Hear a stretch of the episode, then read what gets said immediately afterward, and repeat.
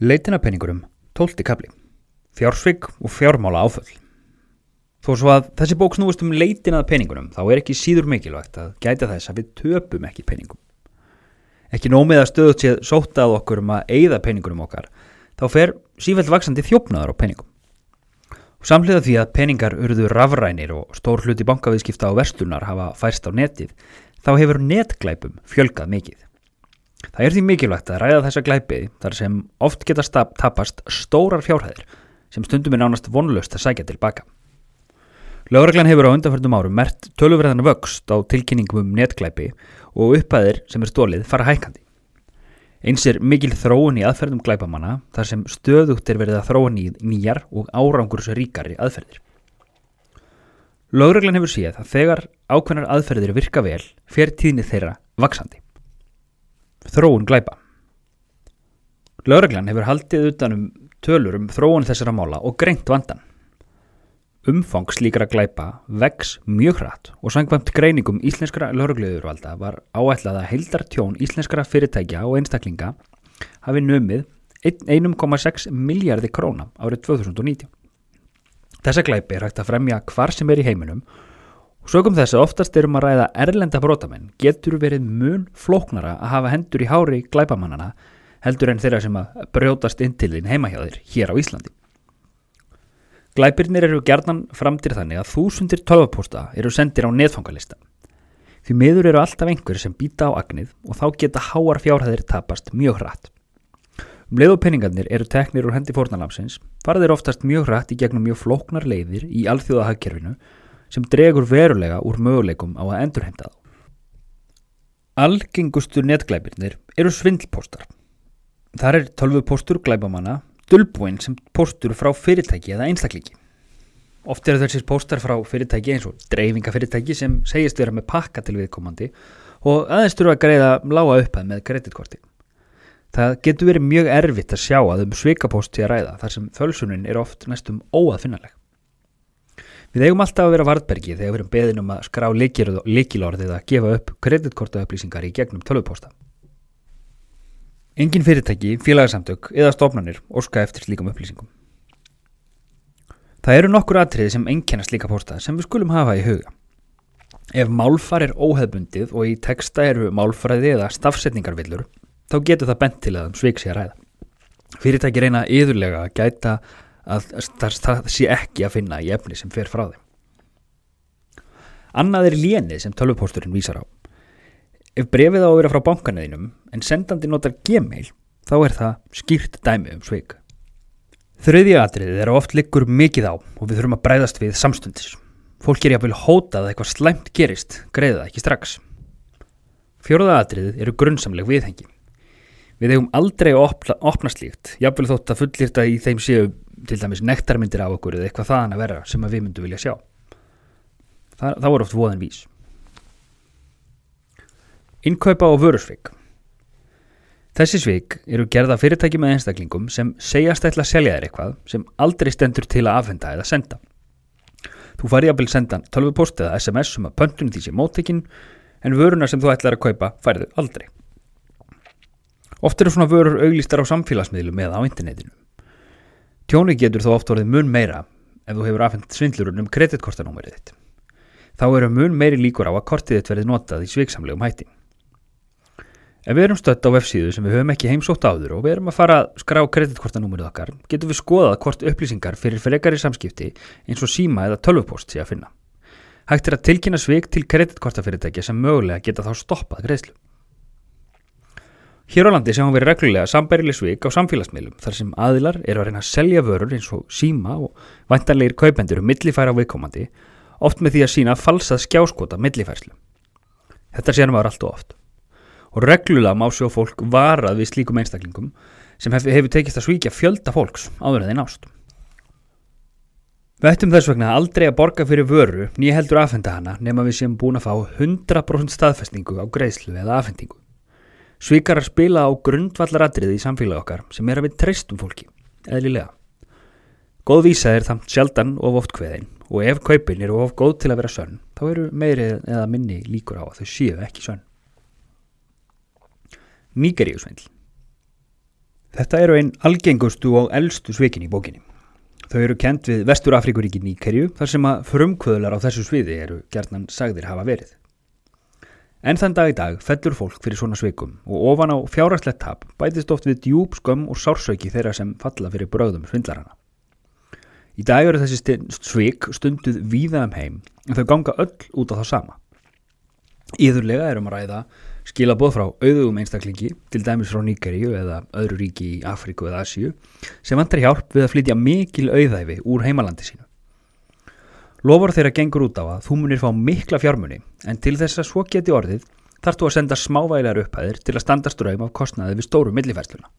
Það er ekki óalgengt að þér sé talin trúum að einhver, til dæmis Herra Ólafsson, frændiðinn, hafi látið lífið í viðkomandi landi og að þú þurfir að aðstóða við að koma peningunum hans heim og þú hafir aldrei hitt þennan herra Ólafsson frændaðinn. Þitt hlutverk í þessum millifærslum er að taka við peningunum og þér er lofað stórum fjárhæðin fyrir vikið. Ef þú millifæri peninga er sífælt gerð krafað um að þú greiðir meira og oft er greipið til hótana um ofbeldi þar sem málið sé komið of langt á veg fyrir þig til að bakka út núna. Eitt einkenni nýgerjubrifa er að þau eru yfirleitt illa skrifuð og á óvönduðu máli. Eins undarlegt og það hljómar þá er það viljandi gert hjá svindlurunum. Ástæðan er ekki fáfræði, heldur þekking á bransanum. Ítla skrifaða brefið er í rauninni fyrsta prófið.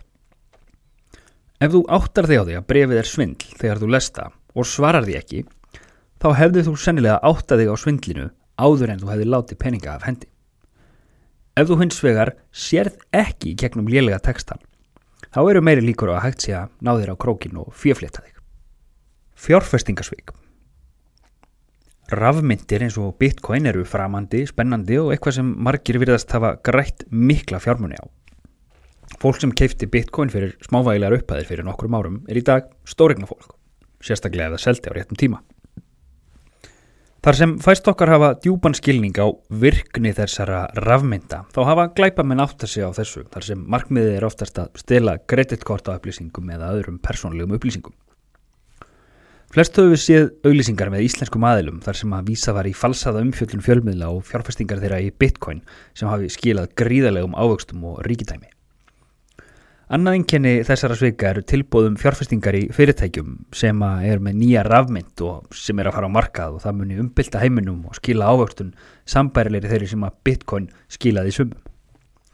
Þeir þar bóðin æfintýrilega ávöxtun og gull og grænir skóar. Aftur. Ef það hljómar of gott til að vera satt, þá er það líklega ekki satt. Smáaletrið. Þetta er eitthvað sem við höfum öll gerst segum. Að fá upp á skjáin mikinn texta sem við þurfum að skrolla niður í gegn til að samþykja til að geta komist áfram í það sem við viljum gera. Öll þjónusta sem við samþykjum að kaupa á netinu krefst þess að við samþykjum lögfræðiskilmála sem að ekki nokkur maður nennir að lesa til enda. Af þessum sökum smellum við á samþykja án þess að leiða hugana því hvað við vorum að gera. Stundum eru þó íþingjandi hvaðir í slíkum skjölum sem hafa það eitt að markmiði að ná af okkur enn meiri penningum enn við ætliðum. Þar getur verið um að ræða langan uppsagna, uppsagnatíma ef þjónustunni er sagt upp. Eða eitthvað sem tali var ókeppis eins og skráning í bók við að vef sem getur síðan orðin rán dýr. Af þessum sökum eigum við alltaf að skoða fyrirtæki sem við þekkjum ekki eða höfum ekki keft þjónustu af áður. Óttar en ekki dregur stutt leit á netinu slíksvig fram. Stafræn gíslataka Það er sífælt algengara að samfélagsmiðlareikningar séu hakkaðir eða brotist inn í þá. Slíka árás getur haft mjög neikvæð áhrif á líðan þess sem verður fyrir og oft er um að ræða gróft brot á persónu viðkomandi. Íðurlega er farið fram á greiðslu viljum aður fá aðgangi sinna aftur, auk þess sem oft er hótað viðkvæmum persónulegum gögnum verði lekið.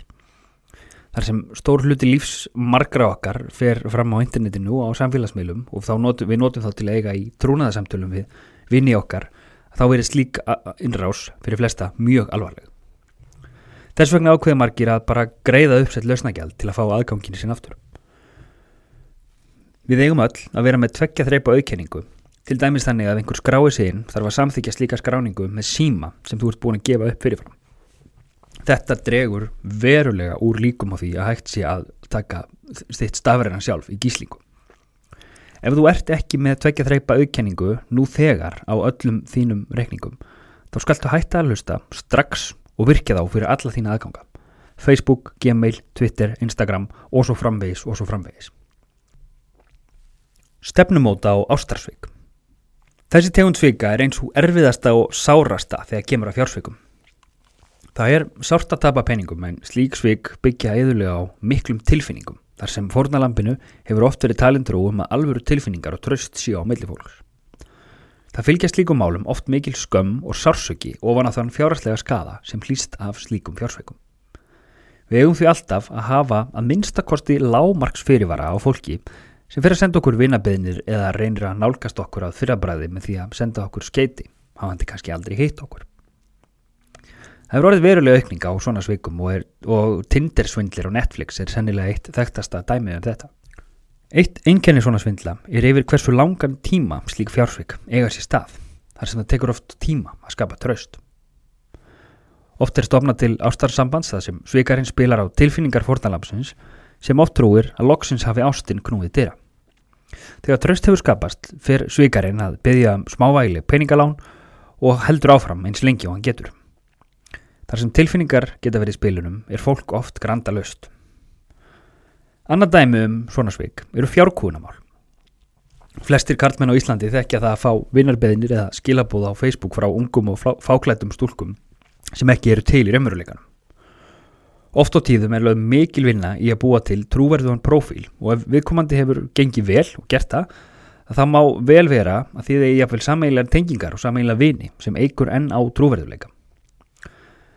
Ef stopnaði þetta samskipta við slík gerfimenni þá óska þau jáfnveil eftir alls konar efni, hugsanlega ósýðlegu efni, sem þau síðan hóta að dreifa á netinu ef rétt verður ekki greitt fyrir að það verður ekki gert.